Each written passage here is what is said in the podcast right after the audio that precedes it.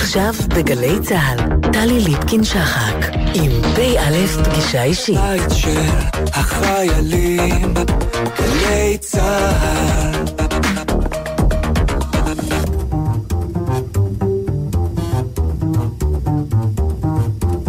שלום לכם, שבוע טוב לכם. מוצאי ט"ו באב אוהב לכם. פ"א פגישה אישית בסופו של שבוע קורונה ומדון, תאונות וצער, וגם רסיסים של ששון. שבוע של שרב כבד ומהביל בארץ ופגעי מזג אוויר על פני הגלובוס הזועק אלינו, עמודו, הצילו. פ"א, פגישה אישית משולשת על סיפו של שבוע חדש, שיהא דומה ככל הנראה למשנהו, אבל מנוקד שעשועי אולימפיאדה בלי קהל, אפשר גם מדליות שיוסיפו נחת רוח. סוג של מתנות קטנות. פ"א פגישה אישית משולט, משולשת שתתמקד באהבה, על אף שט"ו באב פירושים רבים ולאו דווקא מלבבים לו, הרי שכל הזדמנות טובה לנו לבחור באהבה. פ"א פגישה אישית משולשת, מתחילים.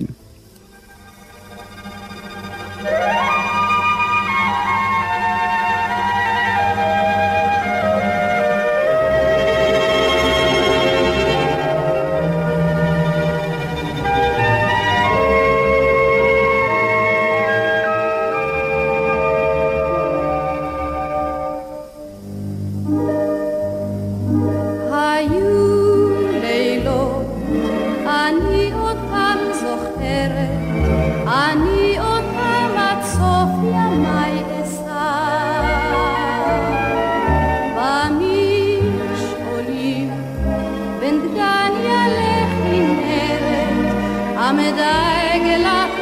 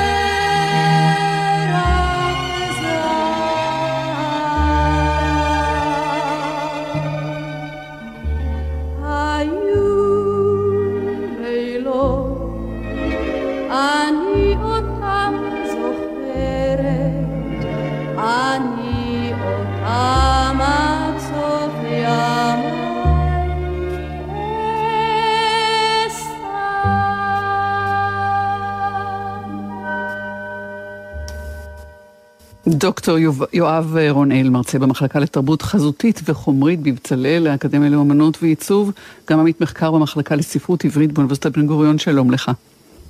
היי, ערב טוב, מה נשמע? ערב טוב, שבוע טוב, ט"ו באב שמח, כבר סופו של ט"ו באב, אני מודעת לזה שיש לט"ו באב פרשנויות שאינן בהכרח מלבבות, כפי שאמרתי בהתחלה, מרובות, אבל הזדמנות לדבר על אהבה, הזדמנות לדבר על לב. ולבדוק איתך, מי שגם אה, עוסק בזה אה, ביומיום שלך בבצלאל ובחומרים שאתה מלמד, בייצוגים התרבותיים, אה, גם ספרות, גם קולנוע, גם מוזיקה של אהבה בתרבות המערב, ובפרט לשאול אותך מה מקור הייצוג הוויזואלי, הגרפי של לב? מאיפה זה בא? זה, סיפור קצת מורכב, כי היו לאורך השנים כל מיני תופעות של הדימוי הזה שכל כך מוכר לנו. נגיד ב-600 לפני הספירה היה, מצאו איזה מטבע שעליו מוטבע איזה מין סמל דומה לזה, אבל עם זאת זה לא, לא, הייצוגים המוקדמים האלה לא היו באמת הלב, אלא כל מיני, פעם אחת זה היה צמח שומר שהיה ידוע כאמצעי מניעה, או כדי שתייה, כן, כל מיני, ואנחנו כשאנחנו גילינו אותם או ראינו אותם, אמרנו אלה לבבות, אבל בדיעבד לא. הלב הרשמי הראשון, הבלתי מעורר הראשון, הוא מהמאה ה-12, שנת 1338, במין איזה ספר שירה, פואמה, שנקרא הרומנסה של אלכסנדר, שבהתאם לתקופה היה גם מלא בציורים שמתארים כל מיני מעשי אהבים, לא בהכרח כאלה שקשורים לעלילה של הסיפור, של הפואמה הארוכה, ואחד מהם רואים במפורש נערה שמציעה את, שמחזיקה את הלב של אהובה בידה. Mm. זה ההופעה הרשמית הראשונה של הדימוי הזה, של האייקון הזה, ומיד אחר כך הוא ממש התפוצץ. כלומר, אפשר למצוא אותו החל מאותה שנה בכל מיני מקומות, בכל מיני ייצוגים. הלב כפי שאנחנו מכירים אותו מבחינה גרפית, איזה... איזה... זה, זאת ה, ה, זה האופן הפיגורטיבי שבו הוא מיוצג תמיד, אין, אין וריאציות לנושא? תראי, ב, ב, אני מסתכל על הדימוי הזה מולי עכשיו, בדימוי כאן יש לו קצת יותר תלת מימדיות כזו, ממש נראה כמו לב, אבל בגדול כן, כן, הלב, לבבות מתחילים להופיע מאותה שנה. זה לא מקרי כי אלה, אלה השנים, קצת לפני כן, יותר מאה ה-12 ו-13, שהאהבה הרומנטית, כמו שאנחנו מכירים אותה, התחילה, בעצם קמה לתחייה. עוד מעט אנחנו נדבר עם פרופסור אדיר כהן על מכתבי אהבה, מהמאה ה-12 כבאמת איזה ציון דרך כמובן. בדיוק. כן. אבל, אבל שם זה לא רק, אני חושב שמעבר למכתבי אהבה וכל הטקסים המאוד מוזרים שהם היו עושים, שם, היה שם גם איזה מין הפסיכולוגיה של, של אותה תקופה, תפסה את היכולת שלנו לדמיין ולאהוב, הרי האהבה היא פקולטה של הדמיון, צריך להגיד, כאיזה מין תהליך מין פסיכולוגי-פיזיולוגי שמתרחש ממש דרך הלב. כלומר, האהובה נקלטת, האהובה האהוב נקלטים על ידי העין, והדימוי שלהם או הדמות שלהם חודרים לתוך הלב ומוטבעים על, על, ממש עליו. ככה מתוארים בכל שירי האהבה. האמת שזה די מעניין, כי עד היום אה, הרעיון הזה שהאהובה או האהוב מוטבעים על הלב שלנו, על לוח ליבנו, עדיין חזק, כלומר, אבל, ואז לכן הלב כדימוי פואטי הפך לדימוי חזותי, שהלך ונהיה יותר ויותר פופולרי. אני, אני אגיד שאני אני חד משמעית יכולה להעיד על כאב לב, או על שברון לב, זה כואב פיזי. כן. נודע כן, לי הדבר נכון. עם, עם בוא השבר שלי. אז, אז זה באמת, זה לב, זה, כן, זה כן. שם, במקום ההוא.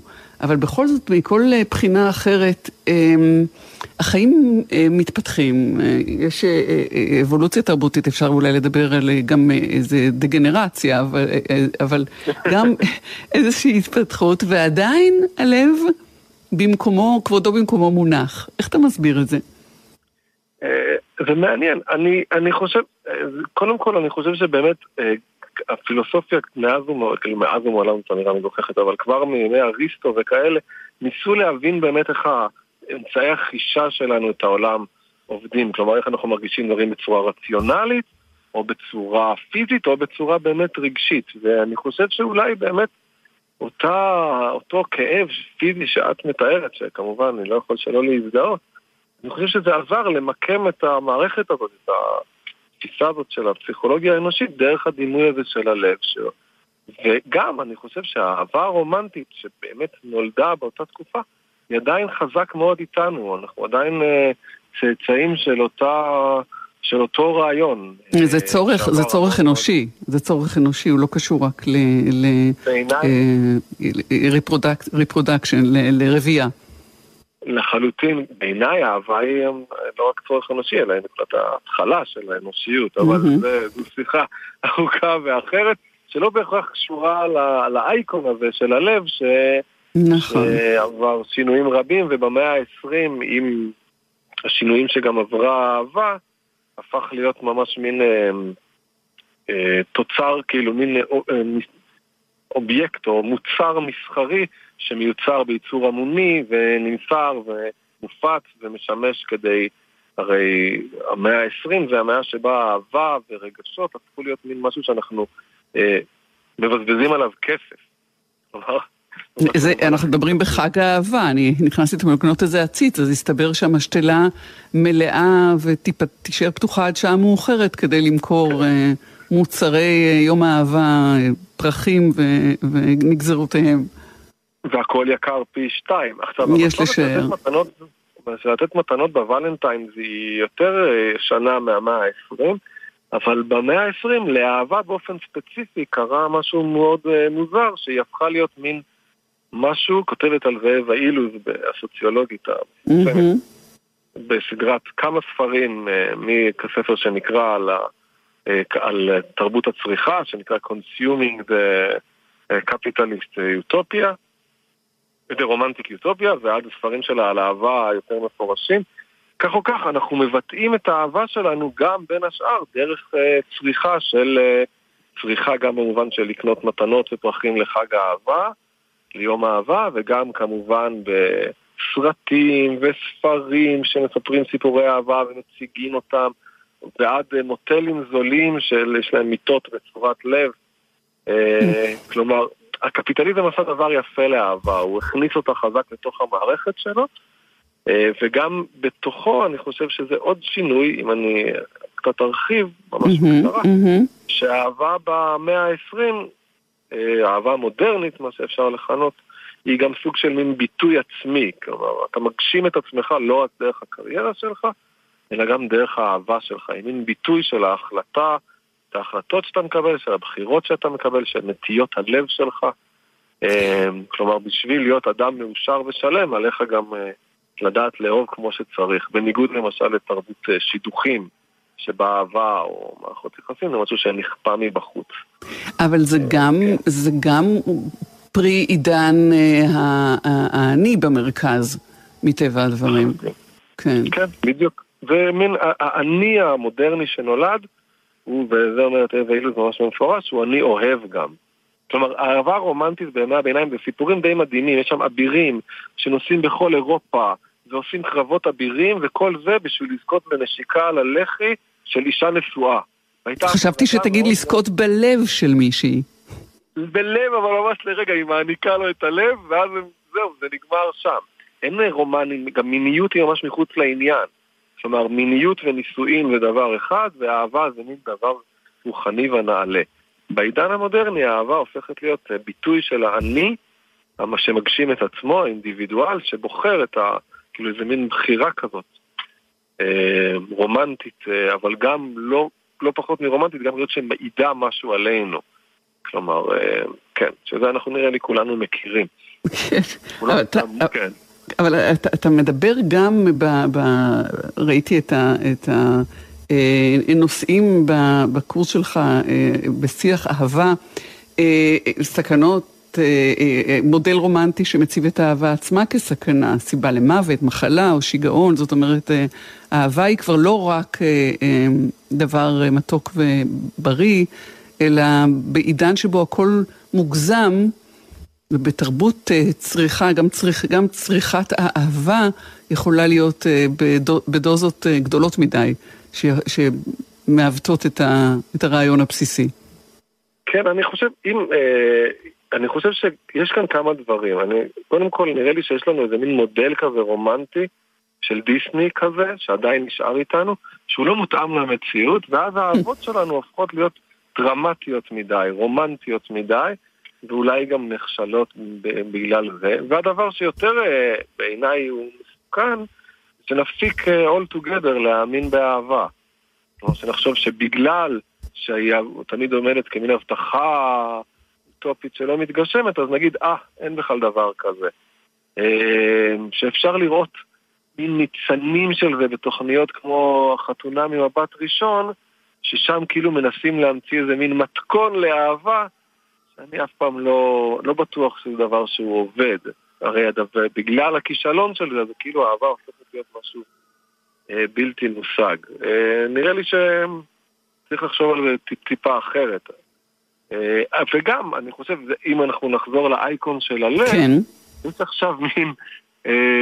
מלידת האימוג'יז לפני משהו כמו 15 שנה, אנחנו כבר, אהבה כבר הפכה להיות איזה מין מטבע שחוק כמעט. הפכה להיות אימוג'י. כן, היא הפכה להיות אימוג'י, אנחנו מסיימים כמעט כל התכתבות במין לב בוהק ומפמפם, ובגלל שאנחנו כל הזמן מביעים אהבה, אז נהיה טיפה קשה להביע אהבה, היא הפכה להיות טיפה זולה יותר. היא קצת מטבע עובר לסוחר, אנחנו אה, כבר כמעט אה, כל חבריי אהובה, שזה יופי. אבל מצד כן. שני, כן, מה נשמר לאהוב? כן, איך אנחנו לאייקון הזה את המשמעות הבאמת אה, קדושה הזאת שהייתה לו פעם, האם אנחנו צריכים בכלל, אבל מה שבטוח זה ש, שאנחנו שולחים לב בוואטסאפ, הוא כמעט לא אומר דבר. אה, הוא כן אומר משהו, הוא אומר משהו, הוא מנסה לומר משהו. אני רוצה בדקה שנשארה לנו לדבר על הצבע. אדום או ורוד. עכשיו יש בכל הצבעים באימוג'ים, אבל, אה, אבל בסוף אהבה היא אדומה, אה, אני חושב שזה קשור לתנועה של האדם וכאלה, אבל זה באמת נראה לי שההיסטוריה של הצבע הזה היא אה, כאילו כבר קצת מסובכת. אני כן אגיד שנגיד אצל התיאולוג מרטין לותר, אבי הפרוטסטנטיות, אז mm-hmm. האייקון שלו, אז היה שם איזה מין צלב שחור שמסמל את המוות של ישו, רקע לבן שמסמל את ה... האמונה הנוצרית והלב האדום שמסמל את תנועת האהבה, או משהו כזה. כלומר, הצבע האדום היה לו משמעות, יכול להיות שקצת בלבלתי את זה, סליחה, אני לפעמים מתרגש, אבל לצבע האדום הייתה משמעות תיאולוגית עמוקה, כן, של האנרגיות הליבידינליות של האהבה. הוא לא מקרי. אני חושב, כן, כאילו... גם, גם, גם באמת הקרדינלים הם, הם אדומים. נכון. כן. נכון. דוקטור יואב רונאל, היה כיף, תודה רבה שדיברת איתנו. שלום, שלום, שבוע טוב, ואהבה שתהיה בתשרה עלינו, שלום. הלוואי, להתראות. אמן.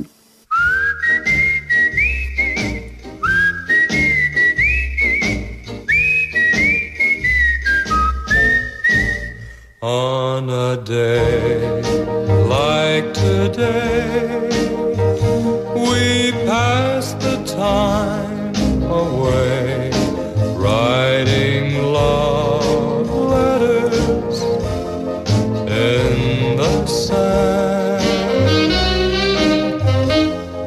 How you laughed when I cried each time I saw the tide take our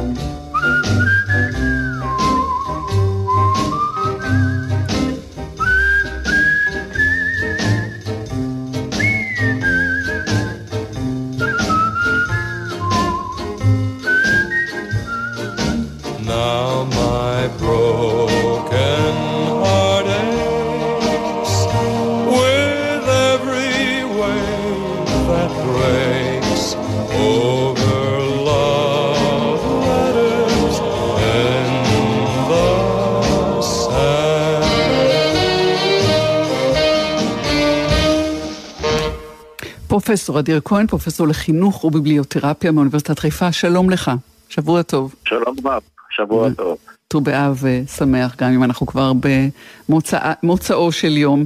אנחנו מדברים על אה, מכתבי אהבה.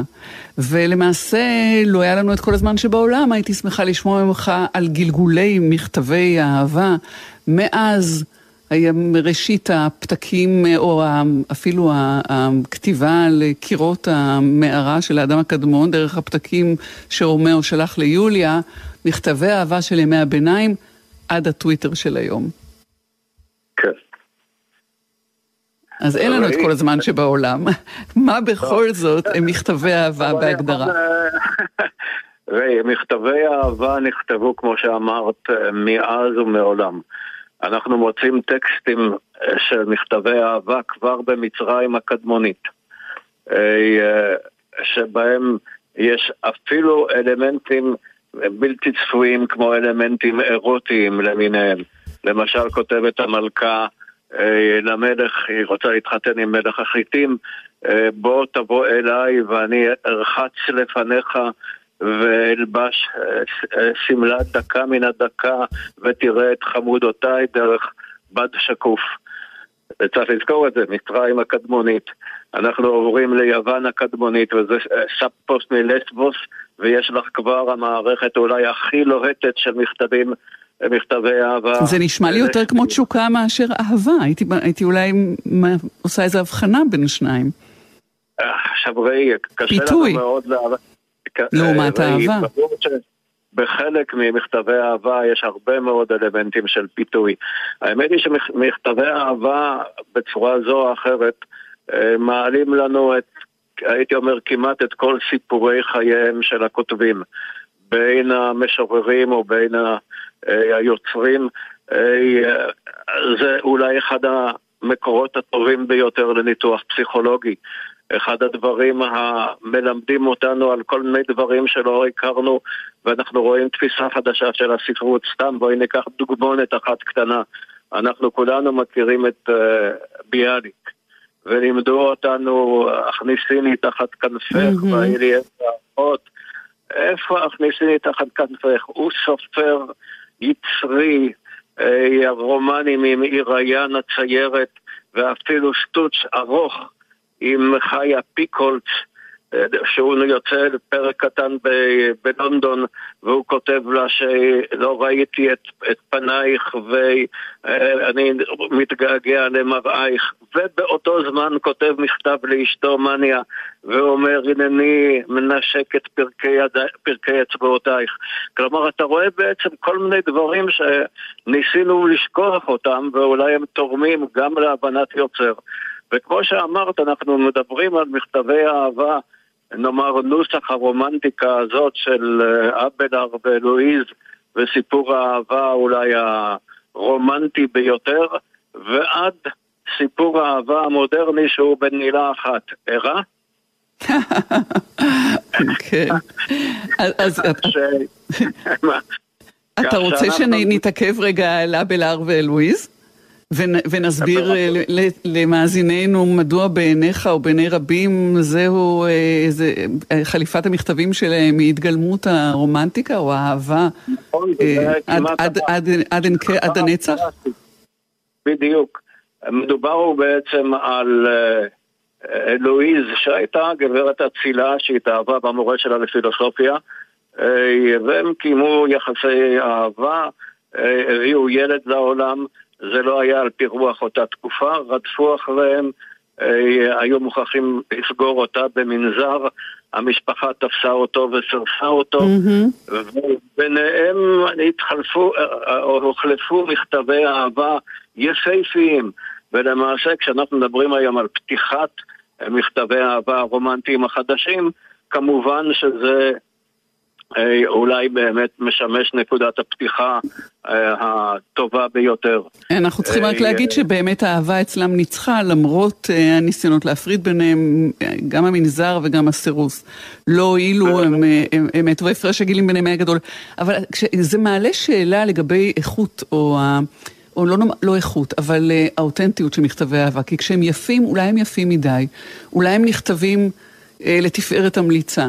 אולי הם נכתבים אה, משום שיש שחושבים שהם אה, יהפכו לזכיות אה, חמדה של הספרות. לא. כלומר, יכול להיות שיש איזשהו... איך אתה יודע לזהות?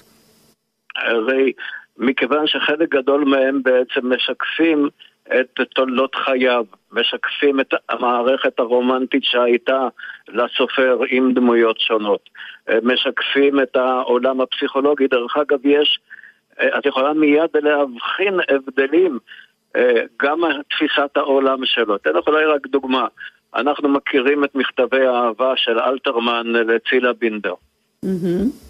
אם נקרא את הרומנטיקה הגולשת, הרומנטית של צילה בינדר שהיא כותבת לו, את האיפוק הגברי הנוקשה שלו.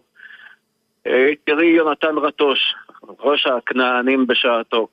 הוא כותב מכתבי אהבה הוא אף פעם לא יכתוב לאהובתי, הוא כותב לפילגשי.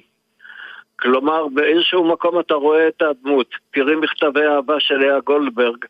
היא כל כך אוהבת את uh, סונה, המשורר, אבל לא מעיזה, אז המכתבים שלה הם נורא מאופקים, מספרים על ביקור במוזיאון, אילו יכולנו להיפגש.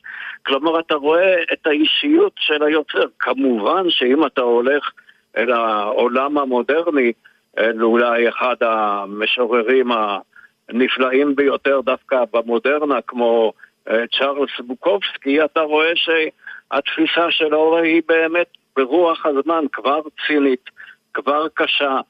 אה, ואתה קורא את הדברים כמובן, ואתה רואה תקופה אחרת לגמרי, איך הוא כותב לה, או איך הוא כותב בכלל על מכתבי אהבה. אני אוהב את מכתבי האהבה שלי, הם אמיתיים.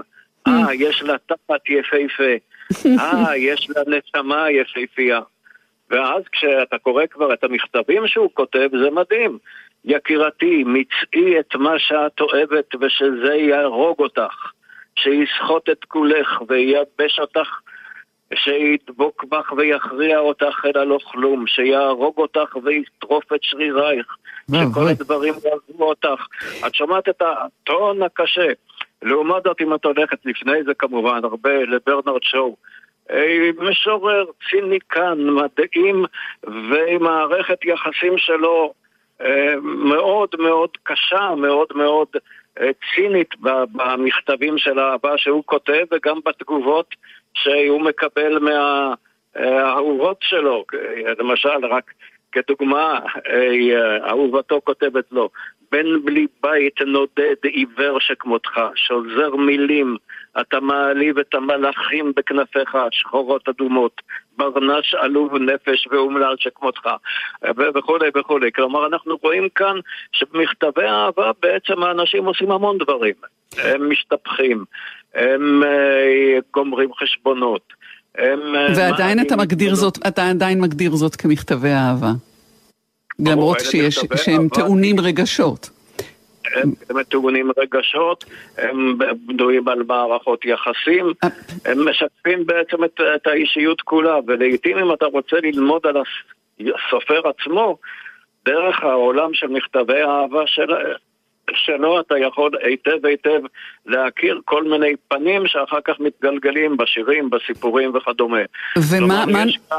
אבל, אבל מה אתה אומר, פרופסור או עד כמה מעניינים אותך מכתביהם של אנשים שאינם סופרים אה, ואינם יוצרים, אלא אנשים מן היישוב? מה אתה, מה אתה מוצא שם?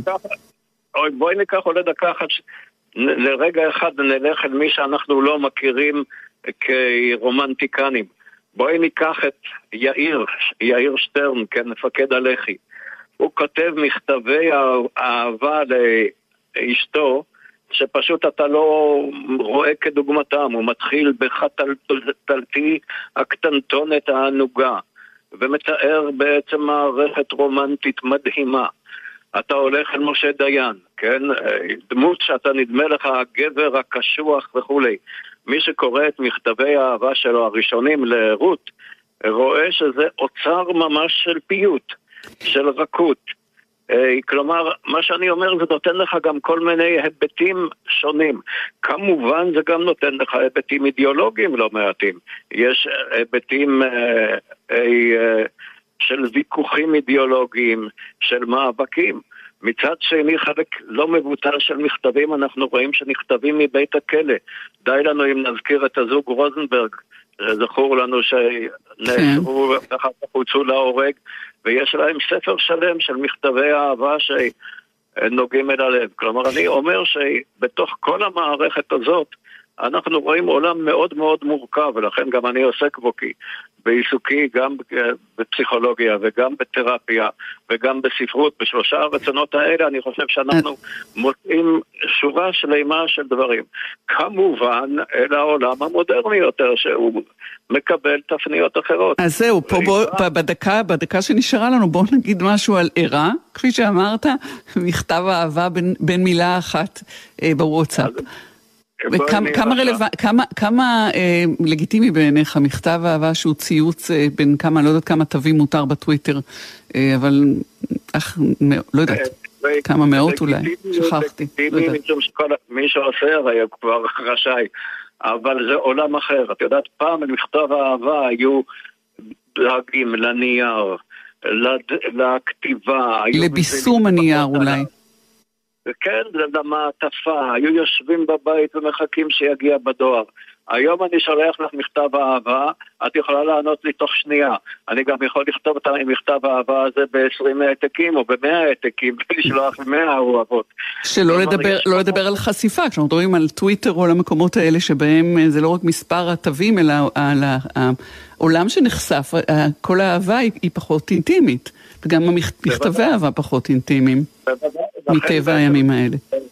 כן. הצ'אטים באינטרנט, בעצם חלק מהם מחליפים לגמרי את מכתבי האהבה. כן. אה, יש באמת אלמנט של זרות, אלמנט של ריחוק.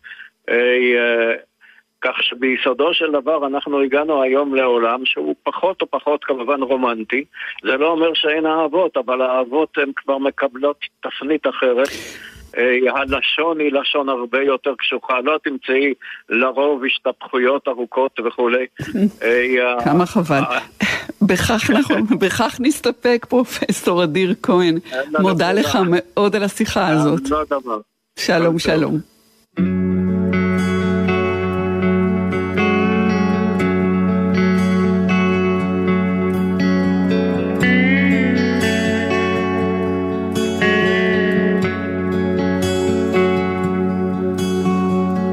נתתי לך שעה, לי נתת את חיי. כשנתתי לך דמעה, את נתת לי חיוך. ושכחתי את ימיי, לפנייך לפניי, אך איך קולי נאנח. אך איזה קסם בינינו מונח, אך כמה טוב לי ורע, חדר סגור שוב נפתח.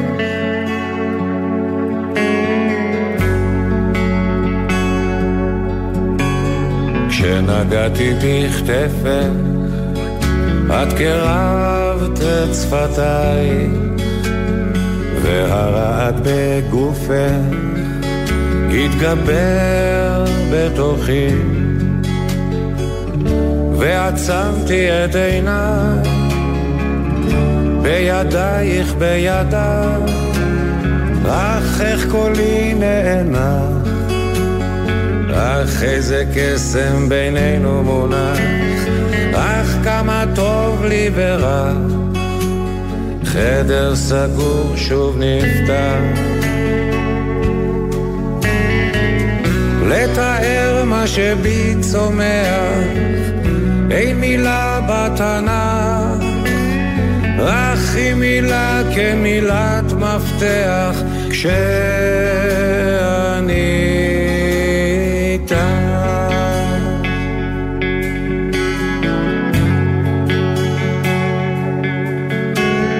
את יודעת שאני זה גם את, זה גם שנינו, זה בינך וזה ביני, כל השאר לא חשוב. והלב היה נרגש, ונולדנו מחדש, אך איך קולי נהנה, אך איזה קסם בינינו מונח, אך כמה טוב לי ורע, חדר סגור שוב נפתח. לתאר מה שבי צומח. אין מילה בתנ"ך, אך היא מילה כן מילת מפתח, כש...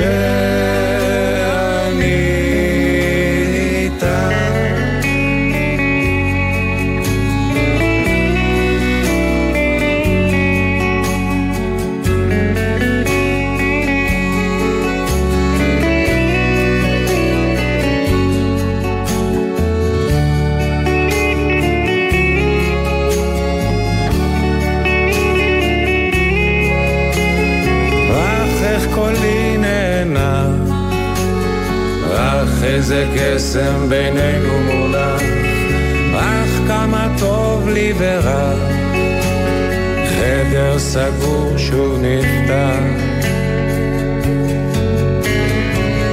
לתאר מה שבי צומח, אין מילה בתנ"ך, רק היא מילה כן מילת מפתח, כשאני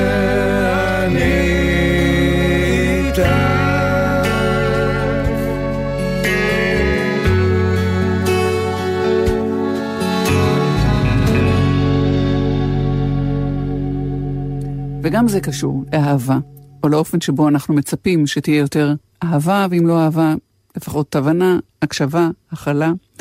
שלום לך, הגר אזולאי, דוקטורנטית בחוג לפסיכולוגיה ובמכון טרומן לקידום השלום באוניברסיטה העברית בירושלים. ערב טוב.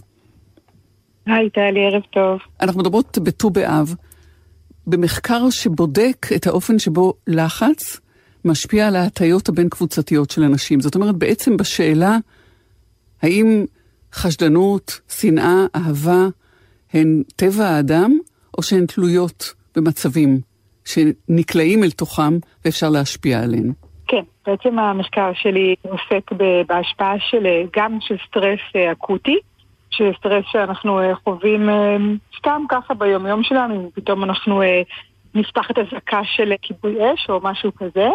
וגם של סטרס כרוני, שזה בעצם תופעה הרבה יותר מורכבת, שבה אנחנו נמצאים לאורך זמן בסיטואציות שמאתגרות אותנו, ו... ואת ההשפעה של שני המצבים האלה, גם הסטרס האקוטי וגם הכרוני, על האופן שבו אנחנו מתייחסים לאנשים מקבוצות שונות, אז אנשים מהקבוצה שלנו, מקבוצת הפנים, שהם נראים כמוני ומתדברים כמוני ונמצאים באותם מקומות כמוני, לעומת אנשים מקבוצות חוץ, שזה כל מי שלא, שהוא לא אני. אז זה יכול להיות החל מממש ברמת ה... אם יש לי שיער אה, חום ולך יש שיער ג'ונטיני, וכמובן תלוי בקבוצות אה, הכי מורכבות שיש, שזה למשל קבוצות אתניות שונות ו... וצכסוכים פוליטיים. אה, הנחת היסוד שלכם היא שיש טבע לאדם? הנחת היסוד שלנו היא ש... זה מה שאנחנו חשבנו לפחות בהתחלה, שאנשים הם דווקא מאוד מושפעים מסיטואציות. כלומר, שזה לא שאני יותר גזענית ממך סתם ככה, אלא שאולי היא נמצאת בסיטואציה שהיא יותר מלחיצה מבחינתי, ולכן אני מתנהגת בצורה שהיא יותר גזענית. אבל אני חייבת להודות שלא זה מה שמצאנו. בסופו של דבר, מה שאנחנו ראינו זה שלפחות לגבי הסטרס האקוטי, אה, זה לא מה שמשפיע על אה, הטיות שליליות כלפי קבוצות אחרות. כן ראינו הטיות מאוד שליליות בקבוצה, בחברה הישראלית, אה, של, בעצם של קבוצת הפנים, שזה נאמר יהודים, אשכנזים, אה, מזרחים, אה, גברים, נשים, כלפי שתי קבוצות מיעוט, שזה גם יוצאי אתיופיה וגם אה, פלסטינים אזרחי ישראל או ערבים. אבל לא, לא ראינו שסטרס הוא דווקא מה, ש, מה שהשפיע על זה.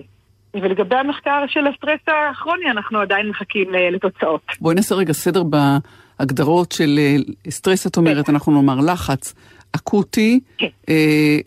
ולחץ כרוני, מעבר ל... אה, משך הזמן, שכרוני זה על פני זמן. תני דוגמאות ל, ללחץ אה, אה, אקוטי. אוקיי, אז למשל, דוגמה שהיא נורא מהיומיום שלנו, דיבור בפני קהל, כשאת לא מוכנה לזה. טלי, את, אני מניחה שזה דבר שהוא פחות מלחיץ אותך, אבל רובנו זה דבר שהוא מאוד מלחיץ אותנו. אם אני אפתיע את המפיקה שלך למשל ואגיד לה, עכשיו את צריכה לעמוד ולדבר מול ועדה של אנשים שתבחן עד כמה את מוצלחת באיזושהי הגשה של מועמדות לתפקיד חייך, שזה דרך שבה אנחנו מלחיצים אנשים, דרך אגב. אה, ואחר כך גם תעשי תרגילים אה, בחישוב בעל פה במספרים גבוהים מול הוועדה הזאת. זה למשל דבר שמייצר לחץ אקוטי, אנחנו רואים את זה גם לפי דיווחים סובייקטיביים של אנשים שאומרים נהייתי יותר לחוץ וחרד, וגם לפי אה, עלייה בהורמון שנקרא קורטיזול, שזה הורמון שהוא בעצם מיוצר כשאנחנו נכנסים ללחץ משמעותי. אז אנחנו בעצם יודעים ככה גם פסיכולוגית וגם אה, ביולוגית שנלחץ ואנחנו יכולים להמשיך לשלב הבא ולבדוק איך זה משפיע על התפיסה שלך כלפי אחרים. עכשיו האחרים באירוע של אה, לחץ אה, אקוטי הם האנשים שאת במגע איתם באותו אירוע של לחץ, באותו מופע לחץ. אנחנו דווקא לא התייחסנו לאנשים שאת במגע איתם, אלא לזרים שאת פוגשת, או לא משנה, רואה, אחר כך. כלומר, ההנחה היא שלחץ שהייתי בו כשעמדתי מול uh, ועדת קבלה, אני יוצאת אחר כך, mm-hmm. ואז רמת הקורטיזול גבוהה, ואז כן. אני פוגשת אנשים, ואז איך אני מגיבה להם? כן. זאת בעצם פרוצדורה שהיא הפרוצדורה uh, בעולם המחקר כדי לבדוק uh, השפעות של, של לחץ כרוני. אחת מהסיבות שאנחנו לא עושים את זה באותו רגע, היא כי מבחינה פיזיולוגית, הרמות של, של הורמון הלחץ, של קורטיזול, הן לא הכי גבוהות מיד שזה קורה. אנחנו, אנחנו חיים בעולם שדברים קורים בו נורא נורא מהר כבני אדם, אבל דווקא כבעלי חיים, כיצורים שהמערכת הפיזיולוגית שלהם בעצם פועלת כדי לאפשר התמודדות לאורך הזמן, אז uh, כשאנחנו נלחצים ברצינות, התגובה שלנו נמשכת לא על פני שניות, אלא על פני mm-hmm. דקות ושעות. אנחנו לא מתמודדים באותה שנייה עם דברים אה, מלחיצים. הגוף שלנו פועל, אבל ה mind שלנו והתהליכים המורכבים, הם לוקח להם זמן. ולכן זה מעניין אותנו. בנוסף, אם רק היינו בודקים דברים ממש ברמת ההדקה, כלומר נגיד היינו מלחיצים בן אדם ואז מכניסים אדם זר לחדר, אז שזה הרבה בעיות מתודולוגיות שלא היו מאפשרות לניסוי אה, להניב תוצאות אה, טובות, אבל נגיד שהיינו מצליחים לעשות את זה, כל מה שהיינו רואים אז מופעל זה נגיד אה, אה, דופק ולחץ דם. הדברים האלה מופעלים מהמון סיבות, לא בטוח שנלחץ, יכול להיות שהתרגשת, איך אני יכולה להבדיל בין זה לזה. ולכן אנחנו מחכים להפעלה של המערכת היותר רובסטית, של המערכת שפועלת כאשר הסטרס הוא כבר רציני, וזאת המערכת של הקורטיזול. אז בעצם כל המטלה שלנו מתחילה, המטלה של ה... שבה אנחנו בוחנים איך מתייחסים לאנשים מקבוצות אחרות, היא מתחילה בערך רבע שעה אחרי שהתחלנו את הלחץ, ובערך שתי דקות אחרי שהוא הסתיים, משהו כזה. אבל ההטייה, אנחנו מדברים על, על בדיקת הטיות אה, בין קבוצות, כן. בין קבוצתיות. ההטייה כן. הזאת נמשכת, היא מתקבעת, או שהיא אה, תגובה מיידית לאירוע של לחץ אה, אקוטי, והיא תעבור עם הזמן? אז אם היינו מוצאים שזו תגובה שהיא, ש, ש, שסטרס אחריהן גורם לזה, אז אני מניחה שזה היה אה, דבר אה, מקומי. כלומר, היה חולף הסטרס, ויחד איתו היה, היו חולפות התחושות הרעות כלפי קבוצת החוץ. בנושא של המחקר של הסטרס הכרוני, אנחנו לא חושבים ככה. אנחנו חושבים שאם נראה שם שלחץ כרוני הוא משפיע, אז בעצם אנחנו נראה שכאשר בן אדם נמצא במשך תקופה ממושכת בתנאים של נגיד חוסר ודאות ו... וחוסר ביטחון כלכלי וריחוק חברתי, כל מה ש... קורה לנו עכשיו. כולנו בקורונה, כן, וחוזרים לחוות עכשיו, אז כבר יהיה שינוי עמדות הרבה יותר אה, משמעותי, כלומר שהוא לא רק מצבי, אלא הוא כבר נהיה יותר, נהיה יותר כתכונה שלנו. ולכן הוא יותר, יותר חשוב אה, ל, ל, ל, לדעת כן. אותו ולנסות לטפל בו. מה המשמעות בכל זאת הפרקטית, המעשית? כשהתחלנו, כשהתחלנו לחקור, עניינו אותנו שאלות גם יישומיות.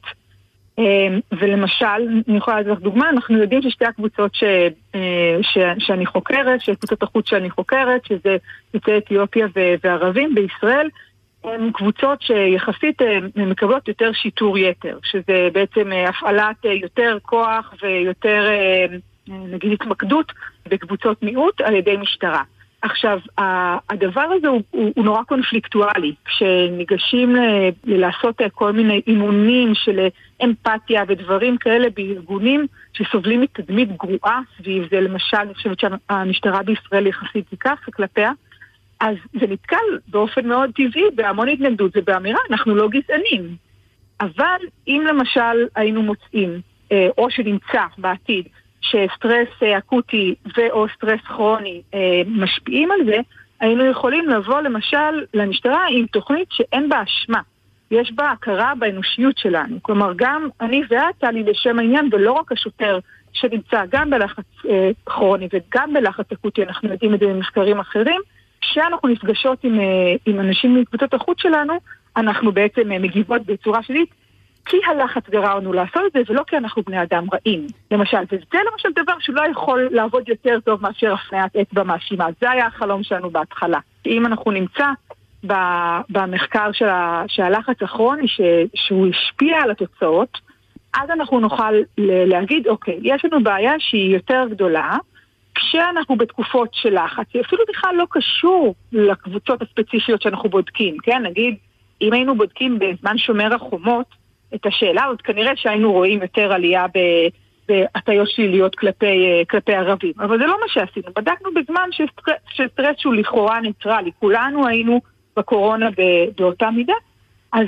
אם היינו, אם נמצא את זה שם, אז נוכל להגיד, אוקיי, יש לנו פה איזשהו משהו שצריך להפנות אליו תשומת לב מיוחדת. אנחנו צריכים לדעת, נגיד, לגשת למשרדי, למשרדי, למשרדי ממשלה רלוונטיים, ולהגיד, תראו, מעבר לכל הדברים שקורים בתקופות של סטרס, שהאוכלוסייה היא בסטרס, צריך לשים דגש משמעותי על הנושא הזה של הטיות בין קבוצתיות, כי יש איזו נטייה להחמיר, ובעצם מאוד מאוד להעצים תהליכים חברתיים שליליים בתקופות שדווקא אנחנו זקוקים אחד לשני. מה המשמעות אז, של ההטיות האלה? למשל, מה, אה, אה, אנשים נתפסים כפחות אמינים, אה, התייחסות למראה החיצוני שמעוררת חשדנות או אלימות או, או חוסר יכולת כן. התחברות או אמפתיה? כן, אז בהחלט. אז מה שאנחנו, מה שאנחנו בדקנו זה בעצם איך אנשים, מה הייחוסים שאנשים עושים כלפי אנשים אחרים. מה הכוונה בייחוס? בעצם אם אה, אני מראה לך עכשיו תמונה של בן אדם ואומר, ואומרת לך עד כמה הוא נראה לך אמין, אז אין לנו באמת שום יכולת לדעת את זה מפרצוף של בן אדם, אין שום מחקר שהראה שאנחנו טובים בזה כ- כבני אדם. יש כל מיני אה, מאפיינים של פנים שגורמים לנו לחשוב שאנשים הם אה, יותר אמינים או פחות אמינים, ובתוך זה כמובן שגם הנושא של אה, גזע, מוצא וכו' נכנס. אז אם אני, אה, כשאנחנו הראינו את, התמונות האלה לאנשים, אז ראינו שבבייסליין, עוד הרבה לפני שעשינו, יצרנו לחץ או משהו כזה, אנשים תפסו את שתי הקבוצות האלה, גם ערבים וגם יוצאי אתיופיה, כמשמעותית פחות אמינים ופחות אטרקטיביים מאשר אנשים אה, מקבוצת, מקבוצת הפנים. המצב הכי גרוע היה כלפי ערבים, וקצת פחות גרוע כלפי יוצאי אתיופיה, והכי הכי גרוע זה להיות גבר. כלומר, mm. אם אתה גבר וערבי, המצב הכי גרוע. וכן הלאה, וזה מבחינת איך אתה נתפס ועד כמה התפיסה היא שלילית. עכשיו, השאלה של הקשר בין אה, עמדות או תפיסות לבין התנהגות היא שאלה מורכבת מאוד, שהיא לא, היא, היא לא, אה, זה לא דבר שאנחנו בדקנו בניסוי שלנו, ובאופן כללי יש איזה debate גדול בעולם, ה, בעולם המחקר, אבל בין היתר אנחנו בגלל זה לא, לא בדקנו דברים שהם... אה, עד כדי כך מודעים. כלומר, כשאני שואלת אותך עד כמה הבן אדם הזה אמין, אחרי שורה של 50 אה, פרצופים, את פשוט עונה את מה שאת מרגישה, ולא איזושהי תשובה מתוחכמת. כן, אין, אין, אין תקינות פוליטית בשלב הזה. בדיוק. כן, כן. ואנחנו גם הוספנו לזה עוד איזשהו מדד של אה, לראות האם אנשים מסתכלים על אנשים בצורה שונה. כלומר, מדדנו את תנועות העיניים שלהם, ואמרנו, אוקיי, נגיד הם יצליחו איכשהו להתגבר על הטיות ברמה של לענות על השאלה, על התכונות, אבל תנועות עיניים זה הרי דבר שהוא לחלוטין אוטונומי. וגם שם הסטרס לא השפיע, ומה ש, שאנחנו בעצם אה, למדנו מזה זה שפשוט התפיסות השליליות הן יותר חזקות מה, מהסטרס. אנחנו מאוד מאוד שליליים כלפי קבוצות שהן לא אנחנו. כמה חבל שזוהי השורה התחתונה של השיחה שלנו, הגר אזולאי ביום אה, ט"ו באב, אבל אה, כדאי לשים לב לזה, ואולי גם באמצעות המחקרים האלה להשתפר. הגר אזולאי, דוקטורנטית בחוג לפסיכולוגיה במכון טרומן לקידום השלום באוניברסיטה העברית, אני מודה לך מאוד על השיחה הזאת, שיהיה שבוע טוב. תודה, טלי, שבוע טוב. שלום, שלום.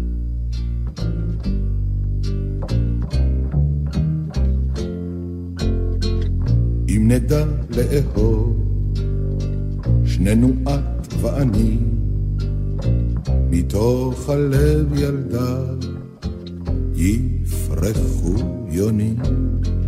אם נדע לאהוב, ולו רק במפה, גם ימים אפורים יראו כמו שבת. אם נדע לאהוב, בחיבה וברוך, החושך ייעלם והאור ימלוך. אם נדע לאהוב, גם קרוב גם רחוק, האימה והצער לא יהיו לחם חוק. אם נדע לאהוב, יד נושיט לכושל, נרפא לכואב, לסובל. אם נדע לאהוב, כל צמא ורעב, אדם אז לאדם, לא יהיה זאב. אם נדע לאהוב, העולם אז ישקור. ואבות על בנים יוסיפו לבכות. אם נדע לאהוב, אז תוסר הקללה, ולמוות כבר לא, לא תהיה ממשלה. אם נדע לאהוב, אז נישא את הראש, לא גאים, לא שפלים. פשוט בני אנוש, אם נדע לאהוב, אז הבוקר יאור, ונשיר שיר חדש, אביבי ושיכור. אם רק נדע לאהוב, נגלה מרחבים, את הזמן, את השמש, ואת ים הכוכבים.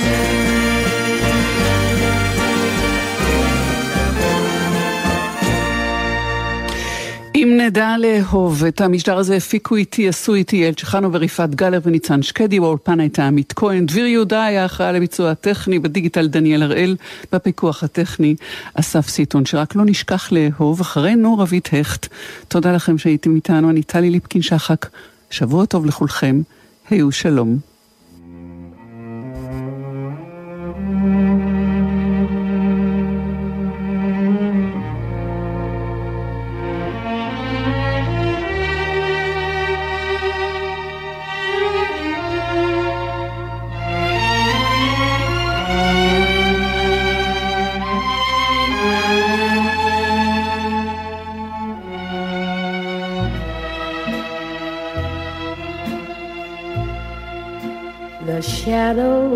Of your smile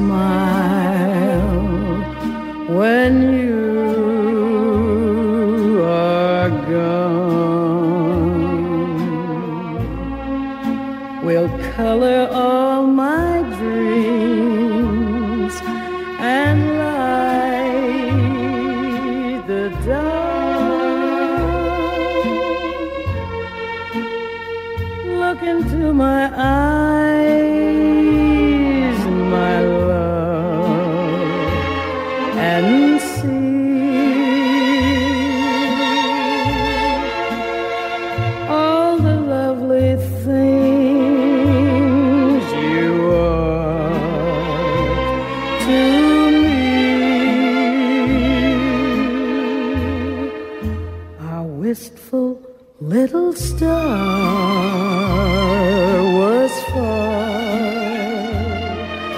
too high. A teardrop kissed your lips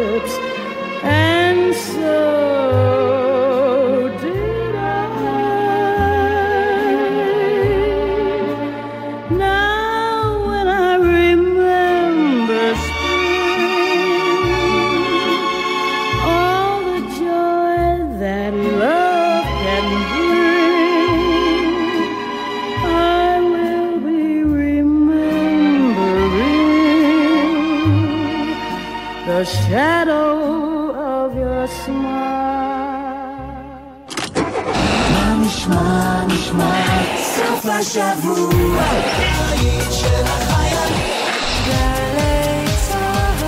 כל הזמן. גלי צה"ל, יותר מ-70 שנות שידור ציבורי. שלום, כאן ליאל עבדה, שחקן מכבי פתח תקווה ונבחרת ישראל בכדורגל. להיות שחקן נבחרת זה מחייב, להיות דרוך ולהיות 100% מרוכז במגרש. אחרת, אתה חוטף בראש. אותו הדבר גם בכביש. נהגים עד גיל 24 מעורבים ביותר תאונות דרכים קטלניות משאר הנהגים. מספיקה שנייה שהעיניים לא על הכביש כדי לאבד את השליטה על הרכב. כשנוהגים, לא נוגעים בנייד, לא כותבים ולא קוראים מסרונים. על ההגה קחו אחריות. מחויבים לאנשים שבדרך עם הרלב"ד. מיד אחרי החדשות, רבית הכט.